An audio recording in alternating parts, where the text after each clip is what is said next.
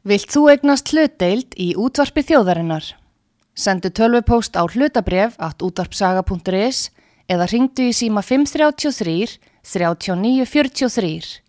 Útvarpsaga stendur vörð um tjáningafrelsið. Síðdeis útvarpið á útvarpi sögu.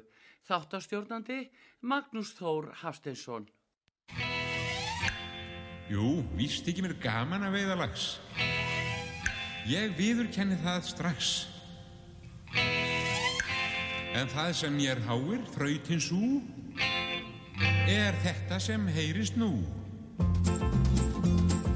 Lags, lags, lags og aftur lags. Þetta er kona mín Það eina sem þú hugsar um er bara lags. og hvers vegna ekki? Stefnað vortinn sóla lags.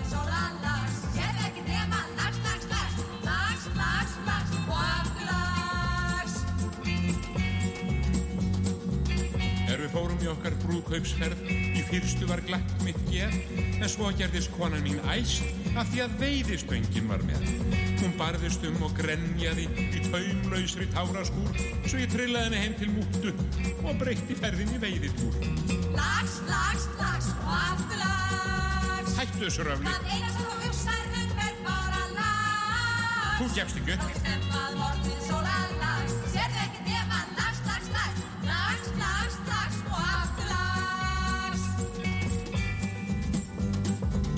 Ég skil bara ekkert í konunni að hann skuli telja það löst þó skreppi ég út í gard og æfi á hverjum degi köst.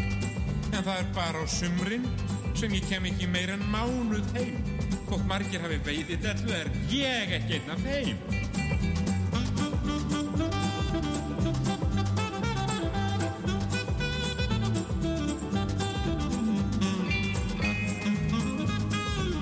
Ég er að reyna að ala upp seiði og baðkerrið þarf ég í það. Því er hún að þessu rausi þótt hún sleppa þar í bað. Í stað þess að elska mannin sinn, örfan og huggan. Allt og sumt sem hún leggur til málana er sama gamla tuggan. Lags, lags, lags aftur lags. Hættu þessu pípi Það eina sem þú hugsar um er bara lags. fyrir alla muni.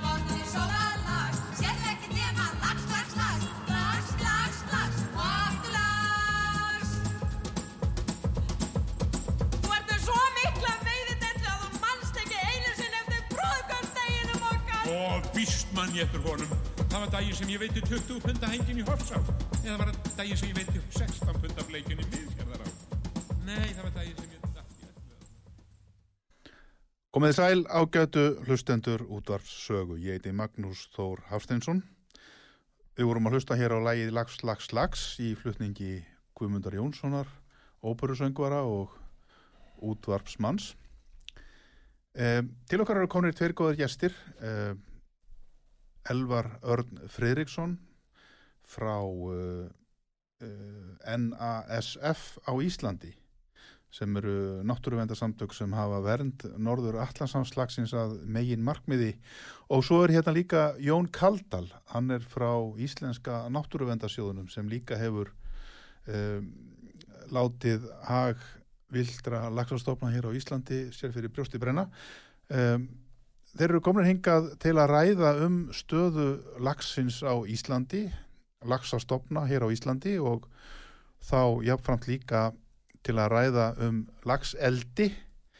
Samtök begja hafa verið gaggrín á lagseldið og uh, já, ég býð ykkur bara velkomna.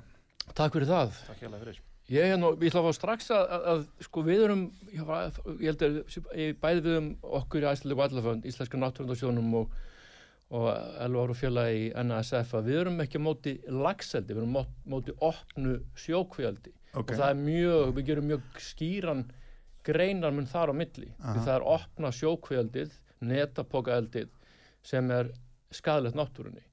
Þannig að við höfum lagt á það mikla áherslu í núna í, í öllum okkar málflutningi í nokkuð mörg ár að þetta er sjókvjaldið sem er vandamálið.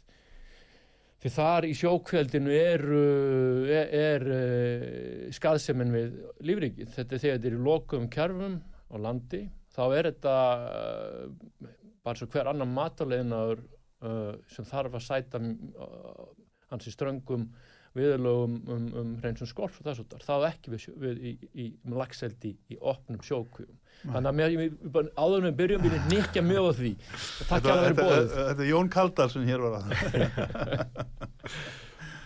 Elvar, byrjum aðeins að þér þá hérna, segðu okkur aðeins frá þínu samtökum uh, svona þannig að hlustundur átti sig á því Já.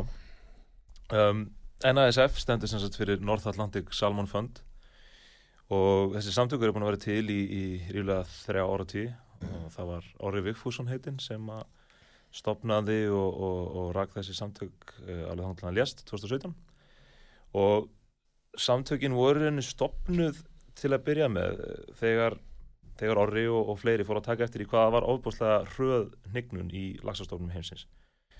Og stærsta ógnin við laxinn þá var kannski fyrst og fremst sko laxveðar í, í, í sjó uh, þá kannski helst að nefna Grænland og Færiðar þar sem að uh, laxar úr, úr, úr kannski þúsund mismunandi ám koma saman á fæðuslu og þar voru miklar, miklar veiðar og, og, og er hægt að valda óbúslega miklum skaða á, á, á stofnum með því að hitta rétt á það, ef við getum orðað sem svo í veðunum. Já, það voru línuveðar í úthafinu Já, og, og, og, og, og netta. og, og netaveðar Já, líka. já. Mhm. og hérna og Orri sem sagt gerði á sínum tíma samninga í, í, í Færiðum og Grænlandi og, og samningurinn í Færiðum hefur haldist alveg síðan og það hefur ekki verið stundar lagsviðar sjó, í sjó þar í 30 ár. Um, í Grænlandi þá er ennþá uh, lítill kóti sem er gefin út á hverju ári. En, en svona til að gefa hugmyndum hvernig þetta er þá var þetta 500 eitthvað tonn hérna áður fyrir en er núna 20 tonn til 30 tonn þannig að þetta er, þetta er, þetta er skamminni skárra en samt sem áður þá er þetta eitthvað sem hefur mikil áhrif á og, og, og þannig verður NASF til. Og markmiði var alltaf bara að tækla það sem væri helst á ógnin við vildan lags á hverjum tímóndi það sem búið að breytast núna er það að þetta er ekki lengur stærsta ógnin við vildan lagsastofna heldur er það sjókvíeldi á lagsi og hérna þannig að við gerum það sem við getum með góðum samtökum eins og Æslandík Vallafönd og fleirum til þess að vekja aðtýrlega á því uh, hvað þetta er skadalega starfsemi og hvað við erum að, að í rauninni fara fram með miklu offorsi hérna og ekki að leifa náttúruna njóta af hans. Veiði á viltum laxi, hún náttúrulega stílar miklum tekjum Vissulega. hér á landi, Mm -hmm.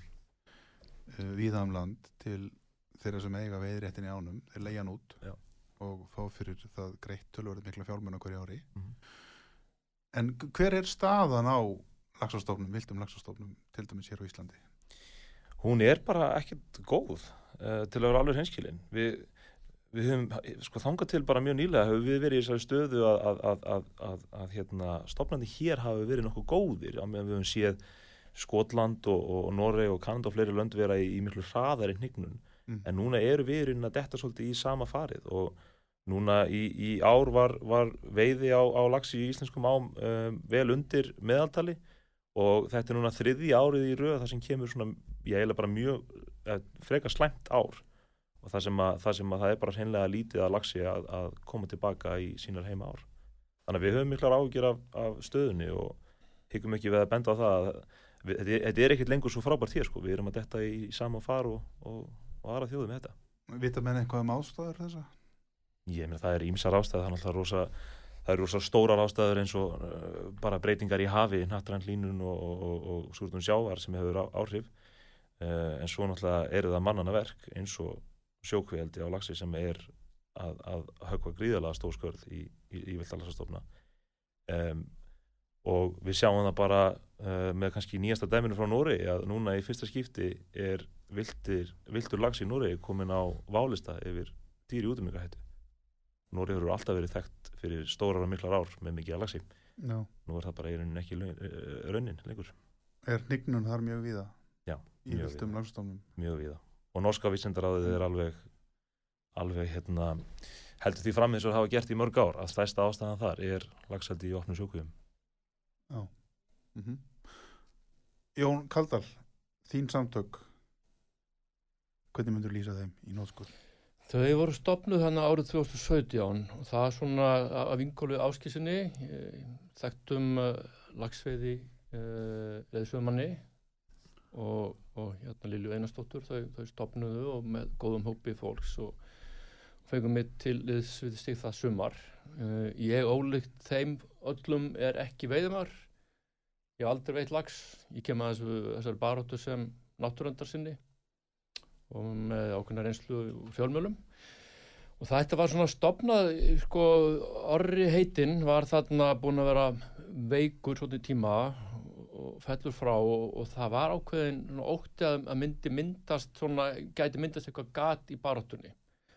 Orri að standa sér stórkostlega í baróttunni uh, og það var svona eins og óviss hvernig framaldi yrði um tíma og uh, fólk taldi ekki ástöð til að býða og þá ekki sístæðingna þess að þá voru norsku sjókvíaldis risarnir farnir að koma sér fyrir hér með mjög ágengum hætti í förðunum okkar eftir að íslenskir atarmennu áður fariðum því eins og gullgrafar og stunginu við fánum sínum og tryggt til leifi fyrirtækjum sínum sem þeir síðan selja hafa verið að selja norskum fyrirtækjum með alveg gríðalögum ávinningi. Þannig að við komum inn í, inn í þessa bártu hann á sömurinn 2017 og uh, höfum verið sko í henni af miklu kappi síðan. Og finnst það mörguleiti þegar nú höfum við að ræða þessum Noreg og, og stórmerkilu báratu NSF um uppkaup á, á nettaveiðum við Færiðar og, og Grænland þá er þetta merkilegum að saga okkar Íslendinga í vendar báratu fyrir viltum lagsi uh, sem sjókveldi hér er algjörlega skjön við að við vorum fyrst þjóða að banna netaveiðar á lagsi bara þegar 1930 eitthvað þess að þar gaggjert í verndarskinni við vorum líka mjög framsýn hér að alþingi með því að, að, að binda lög uh, uh, það er það að vera veiði félög um átnar, samfunum félög þeirra sem eiga uh, bújarðir, lögbili og þannig að nýtingin ólíkt uh, mörgum löndum hér hún fer, er, fer fram með líðræðslu mætti menn þurfa að nýta hvernig ávinni nýtt er ákveðið að öllum sem eiga veiðirétt. Og tekjun að dreifa stjamt um sveitir. Í Skotlandi held ég að alltaf verið þessi enn menn geta bara lappa nýra og bakka á sinni jörð og veit þar eins og við vilja. Og þetta tryggði alþing íslendinga fyrir held ég 80 árum eða lengur uh, er ekki gert. Þannig að við erum hérna með uh, hlunnindi sem hafa leikið gríðarlega stort hlutverk í búsettu í hennu dreifðu byggðum Íslands hreinlega meðal bænda. Hagfjárstofnun Háskólans gerði rannsókn uh, úttækt fyrir þremur árum á vegum landsamsveðifélaga á hversu mikilvæg þessi hlunnindi væru og það komið ljós að hlutfall, hlutfall sko, veiði hlununda er sko í landbúna Íslandi af, af atvinnu tekjum og hagnaði er 28% að jafnaði. Þá er það um að jafna líka meðal þeirra sem eiga, höfum bara taka allan landbúnaðin mm. á Vesturlandi er þetta 67% þetta hlutfall, Östurlandi er þetta 34% þannig að það er algjörlega hreinu að ef þessi verðmætti skerðast út af sjókveldinu þá er þetta bara mikil atlaga að landbúrnað í Íslandi. Tölvöldin tala sínum máli. Við veitum allir að í íslenskum búskapi þá hafa flestir bandur, bandafjölskyldur, nokkra stóður undir eksturinn og veiðir hlunundin eru einn þú allra mikilvægastu.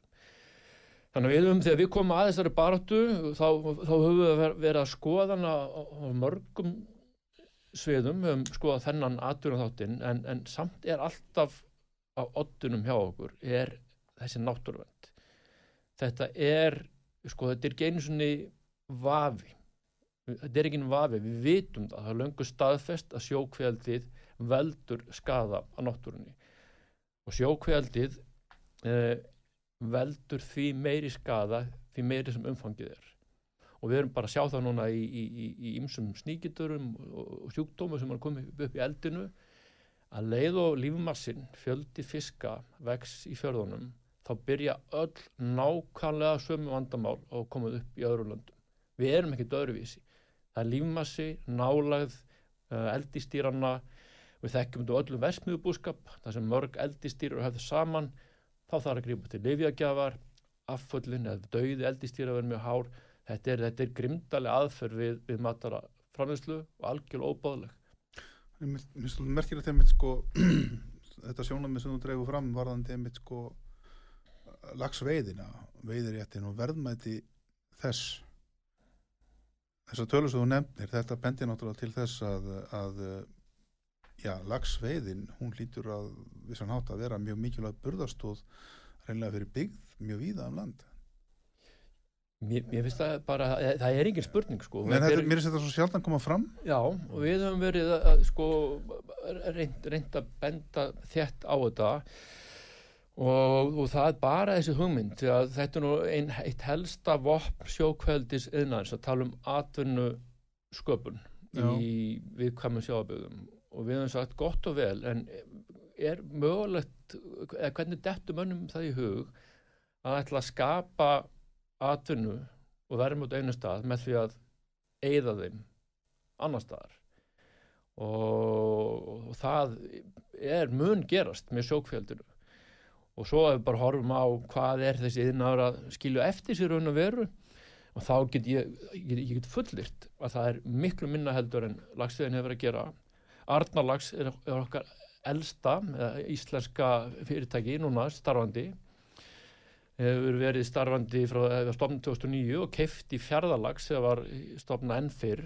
Þessi fyrirtæki hafa aldrei borgað teikjaskjótt í Íslandi, aldrei. Þau hafa alltaf skilað þannig bókastlegu tapi.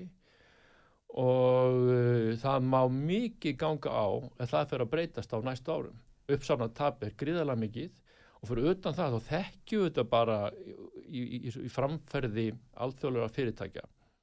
Að þau meiga og þau geta spilað á kerfið þau geta sett, geta menna þeir erlendu eiganir þeir selja fóður hingað, þeir selja búnað hingað þeir selja ráðgjöf hingað þeir bara ráða hvað er taka út ef það eru ykkur hagna, ráða, ráða er hvað er taka hann út Að hvað miklu leiti eru þessi fyrirtæki hér á Íslandi í eigu erlendur aðeila, lagseldisfyrirtæki sem stundar sjókvíðaldi? ég held að þessi um og yfir 90% í, í eigu útlendinga Hvernig stendur á því að Íslendingar affenda auðlindi sína til útlendinga með þessum mætti?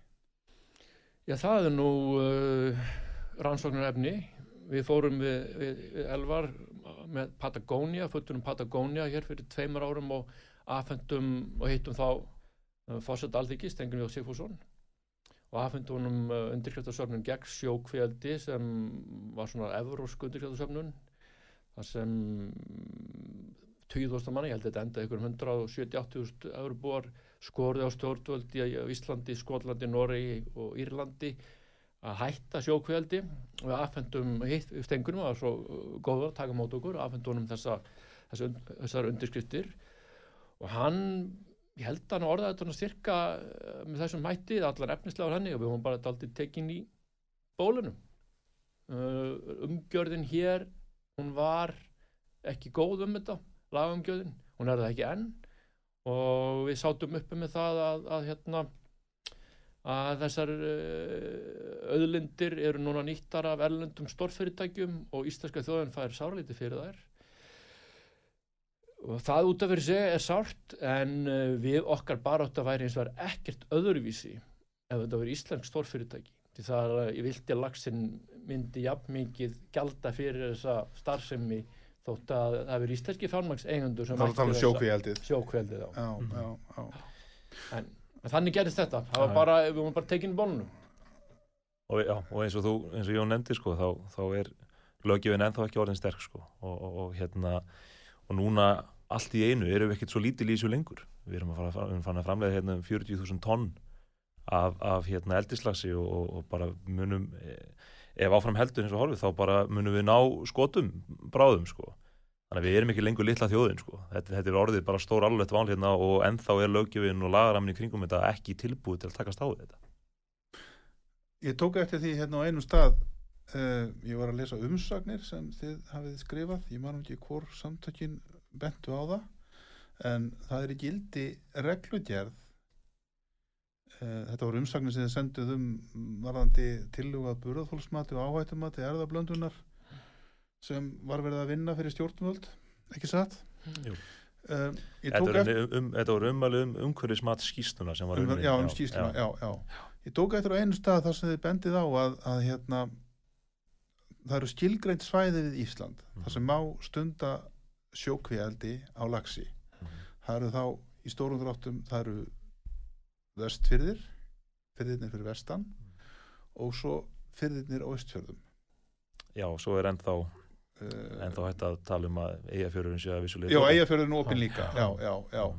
En þetta er bara reglugjörð Þetta er ekki bundið í lög. Nei, þetta, þetta, er, þetta er í formi auglýsingar. Þetta þetta var í formi auglýsingar sem að landbúnaráðar setti fram 2003 ef mann rétt. Þannig að ef við fengjum kannski allt í einu ráð þeirra sem vildi auka sjókvíaldir í Ísland þá gæti hann gert það það, já, það má, já, það má vera eða ríkistjórn Já, af því að sko Hún er ekki bundin á lögum Nei. Þetta er ekki bundið á lagasetningu á, áhættumatið er lögfest Já, en það er endur skoða með reglum millibili Já, en áttu það er, það er þess, vegna var svo mikið uh, áfangasigur að vissuleiti að fá lögum áhættumatið samtíð 2019 Mhm. og við skulum kannski fara hans yfir bara þannig að hlustendur átti sig á því hvað áhættumatið já þýðir. hvað er það? Já, Áhættumatið er sko er, er merkilegt uh, merkilegt plagg, merkileg vinna sem Hafrannsóknarstofnun fór út í. Og þá meta þeir áhættuna því að eldislags blandist íslenskum uh, viltum lagsi og hver séu ásættileg uh, viðmið? Þannig hvað má mik mögulega mikil eldislags ganga í ár án þess að uh, þurfa að stöðva sjókvíaldi eða þess að þar. Hvað, Mm. hvað, hvað má lei- leifa mikið sjókvíaldi með að við ákveðin hlutat fisk að sleppi sem bara vita að við sleppur alltaf sjókvíunum og þar er e, þannig að sko þeir gera ráðferði þar að það geti sko þetta geti sko að þröskuldnir sé 4% það geti verið alltaf 4% fiska sem ganga í ár mm, séu eldisfiskar mm, og þetta er rosalega raun og hátala. Þetta er einn af hverjum 20 í kringu það. Og uh, við erum bara til að setja í samingi núna er, erum við uh, með átumati gera ráð fyrir að, að megi að framleiða hér í sjókvíum þegar það verður fullnýtt 106.500 uh, fiska. Tonn. Tonn fyrir ekki. Ef við reiknum það í, í fjölda fiska þá var að tala um að það verði svona 45 miljónir norskara eldislagsa, þetta er norskt kyn þau nota, í sjókunum við Ísland. Mm og íslenski stopnin í heild er núna 50-60 fiskar. Þannig að ef við förum í mjög varlegt sko mat á því hvað sleppur og það verum ekki að tala endur um stóru sleppislýsin og sjókvíunum heldur hann að stanslösa leka sem er alltaf af smáfiski sem er hættulegasta blöndunina. Smáfiskur sem blandar sér síðan jafnvel með, göng, með, með hérna, göngulagsinum og fer á fæðastöðar snýr aftur tilbaka eldislagsin með þetta sprengjefni í, í, í hérna, DNA-inu sínu og blandar sviltu stofnum. Þá er að tala um þessu kannski 72 til 80 fiskar á hverju einasta ári sem sleppa út. Því ég geti sjáðu bara tölunar þetta er meira sem mun sleppur kvíum á hverju einasta ári þetta en íslenski viltistofnin er. Það þarf bara lítinn hluta af þessum fiski til að ganga aftur í ár til að stofnunum okkar fara að hraka gríðala hratt. Og nú spyrum menn sér við er bara ekki gott að fá nýtt DNA inn í stofnin og því er fljótt svarað. Það er skelfilegt því að uh, laxinn, vilti laxinn er með 10.000 ára pluss uh, þróunarsögu í hverju á hann hefur aðlagað sig að ánni hann hefur aðlagað sig að sínum hil ég vissi þetta ekki sjálfur fyrir en ég kom að ég vissi ekki hversu ótrúlega merkileg skeppna laxinn er fyrir en ég kom að þessari barótu fyrir fjórum árum og voru að kynna mér þetta. Og það bara segir mér reyndi veiðmenn að þeir þekkja ef þeir veiða lax í eða á mismöndu stöðum í ánum þeir vita í hvaða hil laxinn er að fara. E, þeir, þú getur kannski farið að spytur yfir hvernig bara útlitið, hvernig menn, menn þekkja þetta. Algjörlega. Þannig að ef við fáum, fáum hraðvaksta dýr eins og eldisaksan er inn í þetta erðamengi þá setur við kannski alltur uppi með það að fiskur sem er blandaður eldislagsi hann bara kemst ekki lengur í hrygningaheila sinn hann drýfur ekki upp, hann er á þungur og er or- orðin öðruvísi læginu heldur en náttúran hefur gert hann á tíðust ára ferli Já. þetta er ótrúlega saga en það, þarna er eldið að koma með gríðarlega skadalegum hætti inn í vilda stofna og við höfum séð þetta gerist í Nóri og þetta mun er byrjað að gerast hér Elvar, höfum við séð mikið af hefur eldislags verið að ganga upp í íslenskar ár? Já, hann hefur verið að gera það og, en sko eh, það sem, að, það sem er mjög, kemur mjög oft frá eldisviðinana mér, já, hefur, þetta, voru, þetta voru tíu laxar, þetta var ekki neitt neitt sko. en við vitum ekkert um það af því eins og Jón nefndi þetta náðan, það sem er svona kallað er snembúðustrók, það sem er smáir fiskar slepp út úr kvíunum þeir eru ekki tilbúinu til að ganga upp í árna strax þannig að, þannig að þeir fara og, og, og, og geta í, í hafi og ganga upp í árna þeir eru tilbúinir og það er bara mjög órygglegt að þjálfaðast á auga sjáu munin á, á honum og, og viltunlagsi svona bara við, við hérna fljót kynni sko. Það er bara útlöku að segja Já, sérfræðingar. Það þarf bara DNA-próf til þess að greina. Nákvæmlega, þannig að við vitum ekkert nákvæmlega hversu mikið eldislagsi er farið að ganga upp í árnir hérna, en það sem við vitum er að það er stöðuleiki að fiski úr sjókvíum og eins og Jón kom við inn á áðan í, í, í áhættumatinu, það er ekki tekið almennilega tillit til þess að það eru stórslis, stórsleppingar sem er þessi stað. Og það er, ég meina, það er ekkert bara í veist, það er búið að gerast nokkur svona hérna á Ísland og, og líkt og annað þá eftir því sem umfang eldisins eikst, þá mun það aukast líka. Þannig að þetta er bara mjög mikið áhugamál og, og, og við erum að taka við erum að taka dýr sem er búið að, að, að að aðlagast fullkomlega að sínum náttúrulega aðstæðum í, í, í, í, þúsundur ára með það eitt að markmiði að verða sem best fitt fyrir þessar aðstæður. Og við erum að, leifa norskum ettisljósum sem eru með það eina, aldrei með það eina markmiði að stækka og fitna sem hraðast til þess að sé hægt að koma þeim á disk neytenda sem hraðast. Og þeir blandast við þetta, þetta vilda erðefni. Já, en gera þær það? Er, er það örugt að, ég meina, er þessi eldislags, er hann hæfur til að lifa af út í náttúrunni? Já, hann er það. Hann er, hann er ekki jafnhæfur og viltilagsinn en ef að það slepp út 70-80 þúsund á árið að meðaltali tala nú ekki um að koma stórslis og að koma miklu hærri tölur þá getur rétt ímyndið að hvort það sé ekki tölur hlutaði sem að lifir þetta af og fer upp í árnar og þeir eru alveg saman hvað er búið að, að, að, að vinna í, í því að þeir stakki og fitni í 40 ár þá eru þeir samt sem áða með það eðli að þeir fara og hrygna með viltum fiskum. Og nú þegar eru farin að sjá uh, bara uh, tölvört mikil uh, merki um erðablöndun í ánum sem eru næst sjókvíeldinu á vestfjörðum og austfjörðum þannig að þetta er byrjað. En, sjá, en þetta er alveg merkilegt sko nefnilega að því hér eru við og bara, bara til að aftur að setja í samengi hversu illa hefur verið haldið að málum hér af, af hálfu íslenska stjórnvalda. Er hér eru við með í sjókvíum stopn af norsk kynni. Já. Í Noregi er bara harð bannað að Já. nota annan fisk í eldi en af norskum stopni. Og af hverju það? Jú, vegna þess að ef þú ert með annað kyn í eldinu þá veldur það, það magnar það upp áhrifin á uh, erðaáhrifin á viltu heimastofnana. Þannig að norðmönum finnst allt í lagi að flytja sinn norska lags út til annara landa en þeir vilja alls ekki sjá lags á erlendum uppruna í sínum ám Nákvæmlega. eða og í sínum var- sjó. Já. Sjó, það var, Já. það var það er bara, ég held þessu, tvö, þrjú ár síðan síðast að reynda að flytja inn norsk hrogn, þá vildu þeir fara í ykkur kynbætur á, á, á norska eldilagsunum, eldislagsunum með, með norskum, nei, með, með skoskum hérna, Skoskum, já, skoskum hrognum já, og það var bara harbannað og akkurat sagði ég held að verið þá verið umgöðsraðara að það kemur ekki til greina því þetta við, var nú þegar þekktur skaðin af blöndun uh, eldislags við norska stofna og hann er enn verri með uh, aðkomu uh, erðaefni. En þetta allt saman hafa íslenski stjórnmálamenn leift, eru þeir algjörir vesalingar? Maður mað spyr sig og, og hérna og, og, við erum sko ég held að þeir hafi kannski ekki verið vesalingar en ég held þeir hafi sofið mjög illa verðunum.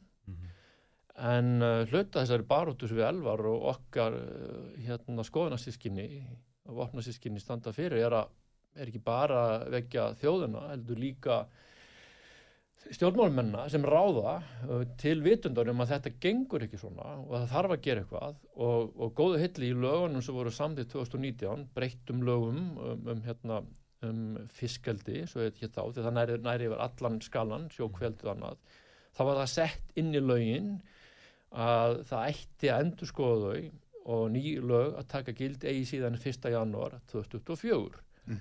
þannig að við erum, við erum núna erum við í 40 tónunum uh, við, það mun taka okkur ára fyrir 160 tónin vonandi förum við aldrei þangað Það er bara það, já.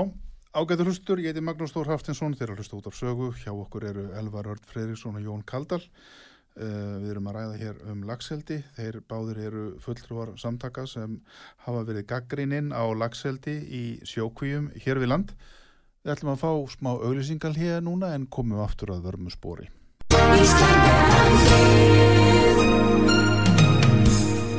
Styrtareikningur útvarpsögu í Íslandsbanka á Granda.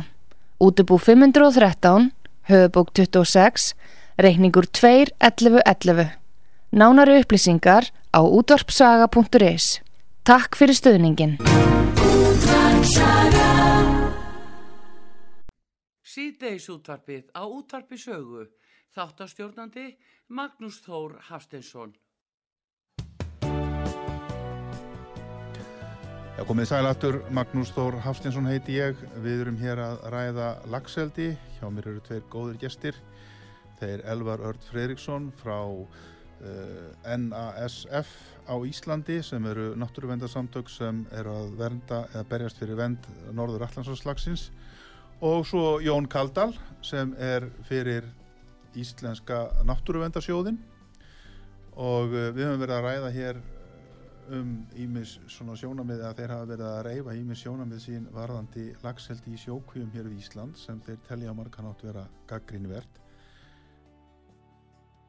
Við rættum áðan erðablöndun, þar að segja þeirra norskur eldislags sem er það er svo lags sem er alin í kvíum hér við land. Þegar hann sleppur út í náttúruna og blandast þá íslenskum stofnum hvaða áhrif það getur haft. Um, en mér langaði til að kannski að því upplýstuð aðeins hlustundur um fleiri þætti uh, hættu, sem geta skapað hættu fyrir, fyrir vilda, vilda lagsastofna Elvar, ef þú myndir reyfa það aðeins svona fyrir hlustundum um, það er réttið að erðablöndunin er bara, bara eitt af þeim vandamálu sem að fylgja sjókvíaldi og það sem er kannski, við ætlum að byrja á að tala um er lúsin, sem er uh, lagsalús og fiskilús þetta er sníkjudýr sem að, sem að leggst á, á, á lagsinn og lagsfiska hvað það varar, þannig að það á líka við um, um sjóbyrting og bleikju og uh, þetta er fyrirbæri sem að er náttúrulegt. Viltir lagsar fá á sig lagsalús uh, í sjónum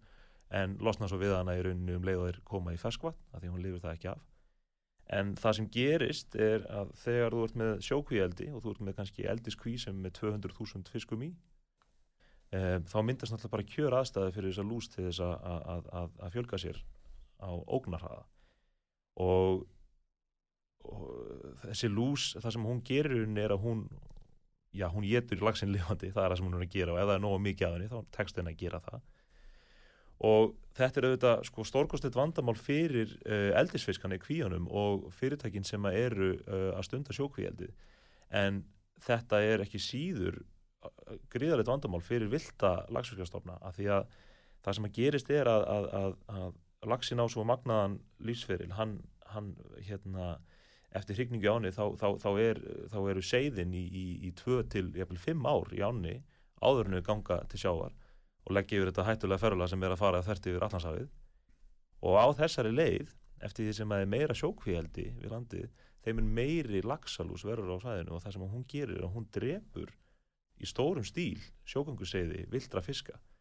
Og þetta erum við búin að sjá sérstaklega í, í, í Noregi sem er alveg gríðalegt vandamál og, hún leggst á fiskin í hún, sjónum. já, hún leggst á fiskin sko. og, og hérna og þetta er, bú, er orðið sko, sko svo stórt vandamál í Noregi að þeir eru komnið með svona umferðaljósa kerfi sem að er unni tekur mið af því hversu hátt hlutfall vildra sjókanguseiða lagsalús í sjókvíeldi er að drepa mm. og fyrirtækin fá heimil til þess að standa í stað eða stækka eða þurfa að draga úr eftir hversu mikið af vildum uh, laxi sem þeir eru að drepa sem er, sem er eitthvað svo fáránlegt sko, að þetta sé bara leift sko. og það er, já, þessi lagsalús, þetta er krabbadýr sem sagt. Já, og uh, það gengur mjög illa að ráða niðurlugum hennar eða hvað? Já, það gengur mjög illa og til þess eru notaðar ímsar aðferðir. Um, og kannski helst ber að nefna að það eru uh, bara notuð liv og eiturefni til þess að, að, að drepa lúsina. Og hérna við kannski komum aðeins betur inn á það eftir en, en ég vil nú samt nefna líka að, að fólk gerir sér kannski ekki grein fyrir það á Íslandi e, bara í fyrra voru sett 800.000 hrokkjelsi í íslenska kvíjar til þess að geta lús og drepast. Þá eru þeirra einu tilgangur og örlög. Og þetta er eina aðferðin og svo er hitt að, að, að, að svona svo kvöldu böðun, það sem að raksin er unni baðaður í vatni af öðru hittastíði sem er ræðileg meðferð fyrir hann líka. Þannig að það er, það er engin góð laust við þessari lús en, en hún er fylgifiskur í á öllum þeim stöðum þar sem sjókvíaldi hefur náða að verða ákveðið stort. Um, en við höfum sérstaklega miklar áhyggjur af, af uh, eiturefnanótkunni og lífanótkunni og hún hefur aukist gríðarlega hérna á Íslandi eftir því sem umfangið ekst. Laxalúsinni hefur engangu verið vandamál í sjókvíaldi hér á Ísland á vestfjörðum. Já. Og þar hafa menn verið að nota eitur. Þar hafa menn verið að nota eitur, já. Þeir eru að hella eitur í sjóin. Já, þeir eru að gera það og, og kannski taka það fram, það er, það er ekkert sem bendir til þess að lúsin verði ekki líka vandamál fyrir austan. Það er ekkert landfræðilegt eða neitt sem bendir til þess að sé einhverja aðra ástæður uppi þar. Þannig að ég held að það sé fyrst og fremst spurning um tíma. Já, hún er ekki látið á sig kræla þar ennþá. en Ennþá, hún, já, En já. menn sögðu það líka fyrir vestan að það er, laxalús er ekki vandamál fyrir vestan því að Já. þar væri hitastig sjávar Já. óhagstætt henni en annað kom nú heldur betur fram á daginn. Anna kom á daginn og, og, og, og hérna það sem meira er að, að, að Jón getur kannski tala betur en það en, en það hefur, ég veit að Jón hefur lagt á svo mikla vinnu til að bara til að finna finna út öll þau leifi sem hafa verið gefin fyrir eiturefna nótkun í sjókveildi hérna fyrir vestan. Segðu okkur hans frá því, Jón. Já, þú veit merkilegt, þú sagðir að menn, menn heldu að, að, lúsin er ekki vandamál. Það voru sko fulltúrar mast sem heldu það. en Dý, hins vegar- dýralæknar. Dýralæknar, Já, já, já. fisksjúkdóma á mast. Sem- já, já. hérna, En hins vegar var þarna maður sem er Arnór Björnsson og rak fjárðalags.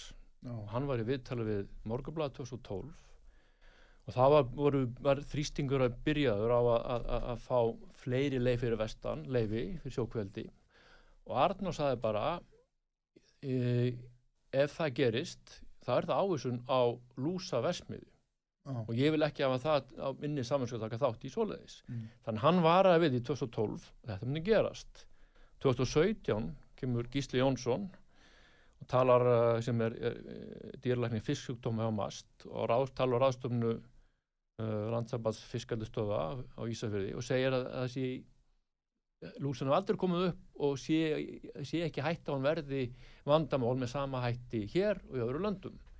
Ég held að liði tvær vikur frá því að hann sagði þetta, það til mast að búið að gefa út fyrsta leifið fyrir nótkunn á deltametrín og deltametrín er bara skortireitur. Deltametrín er algengasta skortireitur í heiminum og frá því að, að Gísli sagði þetta 2017 er núna búið að, að, að annarkot hella deltametrín í sjó eða gefa slæsvett sem er livjafóður er með eiturefni eða livju í fóðurinu 21 sinni. Þannig að frá því að vera ekkert nándamál er mast búin að gefa út mörg mörg leifi á hverju ári og bara núna í haust það verið gefin út sjö leifi.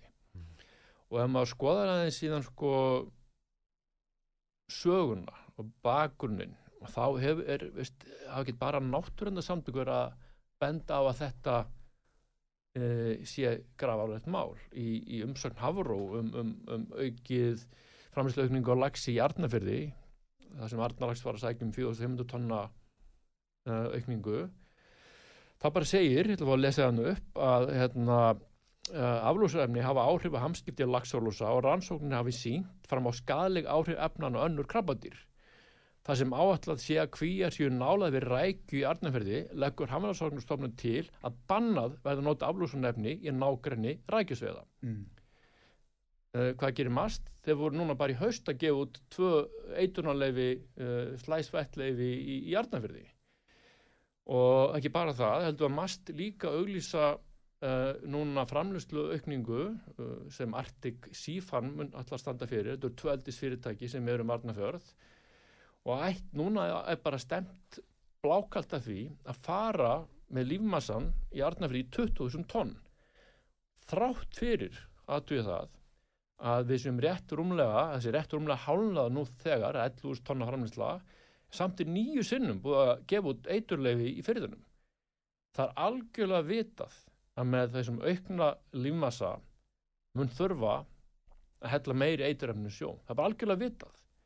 Og, Og af hverju er á að gera þetta? Maður skilur þetta ekki alveg. Það eru, eru, já, þetta, þessi lif virðast vera, já, reynilega bara bölvaðar óþöri. Ég var nú að fletta þessu upp og skoða allir þetta slæs vett sko. Það má ekki meðhandla það nema að vera með sko andlitskrímu og hanska og, og ég veit ekki hvað og það er náttúrulega vísbendingar frá Noregi um það að eins og þú bendir á áðan að, að, að þetta hafi áhrif á vilda, stopna viltra krabbadýra, rækju ekki síst Og- en annara krabbadýra líka, humar, lúsin já. og humar. Marfló lúsin er, er krabbadýr. Já. og, og, hérna, og þetta virkar ekkit bara á lúsina heldur getur þetta líka verið skadalegt fyrir önnur krabbadýr eins og bara ljósátu líka. Mm, ljósátu er mjög mikilvæg visskerfi ísafæradjúps Mm. Og sjálfsagt eflust í Arnafyrði líka. Og það er mikil og góð rækjumið bæði ísafæradjúp og Arnafyrði og uh, ég sá hérna í umsög sem þú sendir inn í hún varðandi uh, hérna þessa umhverfismatskíslu sem var unnin af FSO þar sem þeir segja að eitrið hafi bara verið notað fimm sinnum. Já. eða hvað? Já. og þú, þú segist að það farið í gegnum fundagerðir fiskjúkdónunemndar þá kemur í ljós að það er búið að vera að nota þetta eitur hvað, 15 sinnum? 21 sinni. 21 sinni. Já. og það er af 7 sinnum bara núna í haust. Já. á, í Arnafyrði þrisvar sinnum í Patrísfyrði tvisvar í Arnafyrði og tvisvar í Dýrafyrði og þetta maður í menn er að hella þessum óþverja í sjóin núna í Já. haust 7 sinnum. Og, hérna, og það hlýtur reyna að vera að segja manni það eða hvað að eitthvað meira lítið hefur gengið þarna á. Fyrst að það dugar ekki að baða eins og þú nefndir áðan. Það dugar ekki að vera með hroggkelsi ég rekna með að þau séu nótu fyrir vestan er það rétt? Já, það er rétt. Já, já. Heldur verða menn að grípa til þessa óendis úrræðis að hella þessum óþverja í þessa annars hinga til reynu fyrir því. Mm. Hvað er eiginlega í gangi? Mátt þess ekki á því, þetta er líka sko einmitt svo að uh, vera að segja að, að, að nota uh, livjað fóðrið sé skárra heldur en að að hella deltametrinu, skortureiturinu, beint í kvíanar.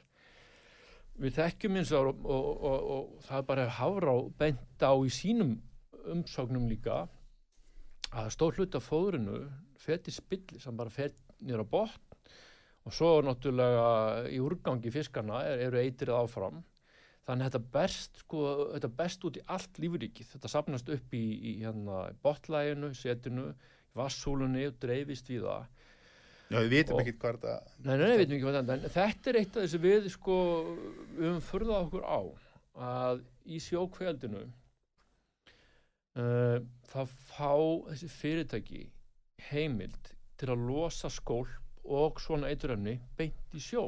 Mm. og ef maður skoðar bara íslenska löggjöf um hvað má gera með starfsem á landi hvað má gera með í bátaumferð er klóak, já, þá já. er þetta bara bannað. Já, og við höfum sendt fyrirspurnir veist, af hverju gilda ekki þessi lög um, um, um, um vend hafs og stranda um sjókvealdi, af hverju Mm. gilda það ekki? Mm. því að ef, þú ert með lagseldi á landi og sami úrgangu verður til en fyrir auðvitað eiturrennin og þarf ekki eitar fyrir lús í landi þá er harð bannað að losa skólpið fara á landeldunum beint í sjó. Þú þarf að síja það, hreinsa það rétt eins og þú sért með svínabú eða, eða kúarækt eða þess og þar. Þú mátt ekki losa neitt skólpið sjó. Mm. en af hverju máttu að losa skólpið í sjókveldur mitt í sjó? Og við, og hvað er þetta skrítið? Þetta er, þetta er bara gengur í berhöggi við íslensk lög. Og þá fengum við þetta mjög sérstakar svar frá ráðanindunu um þetta gildi burðarþólsmat því var þetta undanskilið og starfsminn færi fram í viðtakanum Hugsið ykkur. Já. þú má, ef þú stingur og ert með starfsemi í sjónum í, í viðtaka skólpsins þá máttu bara losa skólpi beint þar út. Og þetta er náttúrulega eitthvað sem getur bara alls ekki gengið til landfram, langframa. Því að þarna er, eru sjókveldis fyrirtækin með beinlinis að láta umhverfið og lífríkið niðugreiða sína starfsemi. Mm. það er öll tækni til staðar sem gæti menn gætu uh, hreinsa þetta allt það er bara dýrt þið tímaði ekki skulum koma að sína það eftir, tíminn hann líður hratt. hérna, mér langaði til að, hérna, að við kemum að sína á eitt enn. Þú nefndi lúsina, Já. Elvar. En hvað með annað? Hvað með sjúkdóma? Já, sjúkdómarnir eru gríðar, gríðarlega alvarlegur þáttur í sjókuveldinu og, og hinga til þá ha- hafa Íslinga geta sagt að það hafi ekki komið upp alvarlegir smittsjúkdómar í eldinu hér En svo djarðist eitthvað í haust. já, það er bara því miður ekki raunin lengur það kom Nei. upp uh, blóðþorri Já. ESA veira fyrir austan í reyðafyrði og það er bara alvarlegasti smygtsjúkdómur sem getur fengið upp í sjókvíðeldinu og því að, að, að þetta er náttúrulega fyrsta, fyrsta lega leggst þetta óbúslega illa á, á, á eldislagsin sjálfan og það þarf að slátra öllu úr þeim kvíum en svo berst þetta með hafströmmum og er smitandi í margra kílómetra fjallæð getur því verið gríðalega hættur bæði fyrir viltastofna annar staðar á landinu og hérna eldisvæði annar staðar á landinu þannig að ég held að þetta falli aftur í sama flokk að eftir því sem umfangið eikst þá aukast vandamálin Þessi veirusíking blóðþóri, hún kom upp fyrir austan, Já. þar sem lagsalúsin hefur ekki verið vandamál til þessa, Mm en í staðin þá kemur upp þessi veirusíking. Og þar hafa líka verið vandamál með annað eins og marglittur og þörunga eða hvað. Já, það var alveg stórfeldur lagsadauði fyrir austan í, í, í haust og kom meðal annars í fjö- fjölmiðlum hérna, myndefni að því sko Já, lagsadauði og einmitt affull í eldinu, þau eru mikil. þau eru gríðalega mikil Miklu sko, meira heldur en í nokkru öðru sambarilegu, já við getum sagt landbúnaði. Já, ég meina sko á fyrstu tíu mánuðum ásins þá er þetta meira en 2,5 miljón norskra eldislagsa sem eru búin að drepast í sjókvíum í Ísland og við vitum það að eftir að blóðþórin komið fyrir austan þá hefur þurft að slátra gríðalega miklu af fiski. Þannig að þessar tölur eru orðnar miklu miklu hærri. Við bara vitum það ekki strax hvað, hvað, nákvæmlega hversu háarar eru. Um, Þetta hleypur á miljónum fiska. þetta hleypur á miljónu fiska og það sem meira er að í sko viðskiptaáallunum þessar fyrirtækja þá er gert ráð fyrir 20, jafnvel 25% afföllum og ég, eins og þú nefnir í, í, í hvaða sko öðrum landbúnaðið að geira væri það ásættanlegt Ja, dýrin eru bara tekin á búndanum. Ég, ég segi það ég segi það. Söðfjörðbúndi væri með 20-25% affull á sínu stofni vegna hvað ég var að segja, báks aðbúnaðar eða hvað Ja, maður kalla það, þá, þá er þessi slíkun landbúnað ekki haldið áfram. Nei, og megnið af þessum döðsföllum er ekki að því að, að koma eitthvað stórkostlegt upp á. Megnið af þessu er að því að það eru bara einfallega svo slæmar aðstæður í sjókvíum. Og, og hérna Jón, þú le- leiðir til þetta, þetta villist hjá mér en, en ekki mér minnir að var það í, í núna í oktober ef við tökum saman tölfræðina þar þá er þetta um það bil 9000 laxar á dag Þetta er búið að vera meiri gegnum gangandi meira að minna eh, þær tölur á, þessu ári og fór hæstar í, í júni ég held að það, ég held að það er bara háfað út sko 15.000 fiska á, Er- á, á, á dag dauða í sjókvíunum Er þetta tölur sem eru aðgengilegar? Já, þetta er, þetta er inn á, tölur? inn á þetta eru tölur sem sjókvíaldisfyrirtækin gefa upp sjálf og er inn á mælaborði fiskeldisins á, hérna, á, á mast Já. Og kann að líta uh, sagriðslega út. Þetta eru tölur á hverju mánuði upp á 1 upp í 2,5% en, uh, en þegar eh, eins og núna hafa verið í sumar hafa verið tæpla 20 miljón fiskar í, í sem það mest er í sjókvíunum. Og þetta er mánuð eftir mánuð þá verður þetta ótrúlega hrikalega tölur. Og það sem er sorglega í þessu sem er svo sorglegt við blóðþorra núna að því þetta er skelvilegt fyrir eldistýrin, þetta er skelvilegt fyrir þessi fyrirtæki og, og mögulega miklar hörmungar líka fyrir vilta laxinn. En hinga til hefur Íslands sjókveldi verið laust við þessar veiruskingar en samt hafa afföllin hér verið mjög há og bara á pari við í Noreg þar sem er útbreytt, útbreyttar veirusíkingar en aðstæður hér eru svo erfiðar. Það eru vetrasár, það er laxarlús það eru marglittur, það eru þörungar. Og þetta er meðal annars þess sem Gísli Jónsson dýralækni fisksjúkdóma mast segir hafa valdið því erfiðar aðstæður í reðafyrði umhverfis aðstæður hafi veiklað svo ónæmiskerfi eldistýrana að veira sem átti þeim ekki að vera skadaleg Mm. uh, til bróðþóri til í svona sakleisisleir útgáfu. Já. en hún stökkbreyttist vegna þess að, að, að hérna, umhverfis aðstæður voru svo harðar fyrir eldistýrin að ónæmiskerfið er að brast og núna er þessi bannvenna og stökkbreytt yfir þess að bannvennu veru. Og þetta er svo alvarlegt mál fyrir okkur að þetta verður að maður þurfa að kvíla reyðarfjörð. Þá er síðast frétti núna um helgin af því að það er ekki látið döga að slátur upp sér einu kví, það er að slátur upp öllum kvíjónum á þessu eldisvæði og ég hef ynga trúaður en að þeir mun enda með að slátra öllum fiski upp úr reyðarfjörði miklu fyrir heldur en þeir ætluðu sér og svo það er bara að kvíla hann fjörði í eitt, tvö ár að hann fara aftur á stað Já. En áður en við rennum út á tíma þið talið um að landeldi sé þá lausnin eða hvað? Við allavega bendum á það á þess að, hérna, á þess að við viljum vera talsmeð fyrir neitt yðnað. Þá bara bendum við á það að í landeldi þar er ekki laxalús fiskurinn sleppur ekki og það er hægt að stjórna úrgangnum og bara þessir þrý punktar er það sem að ég held að allir ætti að vita um munin á landeldi og sjókveildi En uh, Jón, landeldi, er það ekki, fylgja því ekki líka töluverð umhverfispjöll?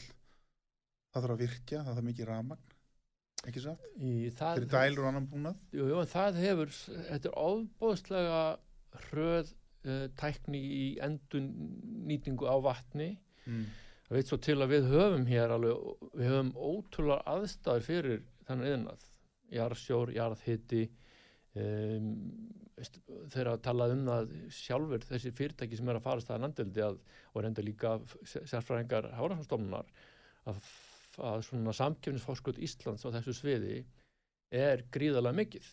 Hafa norðmenn ekki sjálfur talað um það að, að sjókvíaldi, það eigi sér ekki framtíð til lengdar? Jú, það er síðan kannski síðan svona stóra mál í þessu öllu er að núna bara segir í, í stóru viðtali í, í, í vor fyrirvændi stjórnafarmar eða þávændi stjórnafarmar Salmar móðufélags Arnalags, hann segir sjókveldi með þessu sniði sem er núna það mun heyra sögunni til fyrir 2030 þetta er úrelt tækni.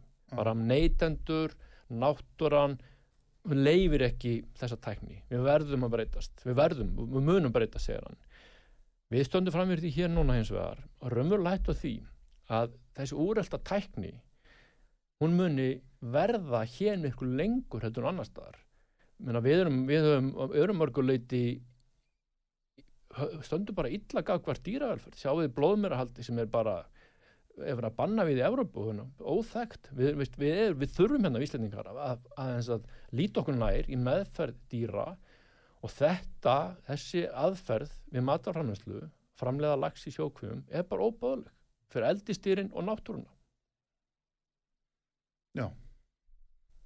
Ef að segja þetta loka orðin, við erum fallin á tíma herra mínir. Það voru góð loka orð Takk fyrir Já, okkur eh, ég þakka ykkur fyrir komuna Elvar Örd Fredriksson og Jón Kaldal. Við höfum verið að ræða hér lagseldi og þeir eru báðir talsmenn fyrir samtök sem hafa verið gaggrín á sjókveðjaldi hér á Ísland. Ég heiti Magnús Þór Haftinsson þið hafa verið að hlusta út á sögu Takk fyrir að hlusta, verið sæl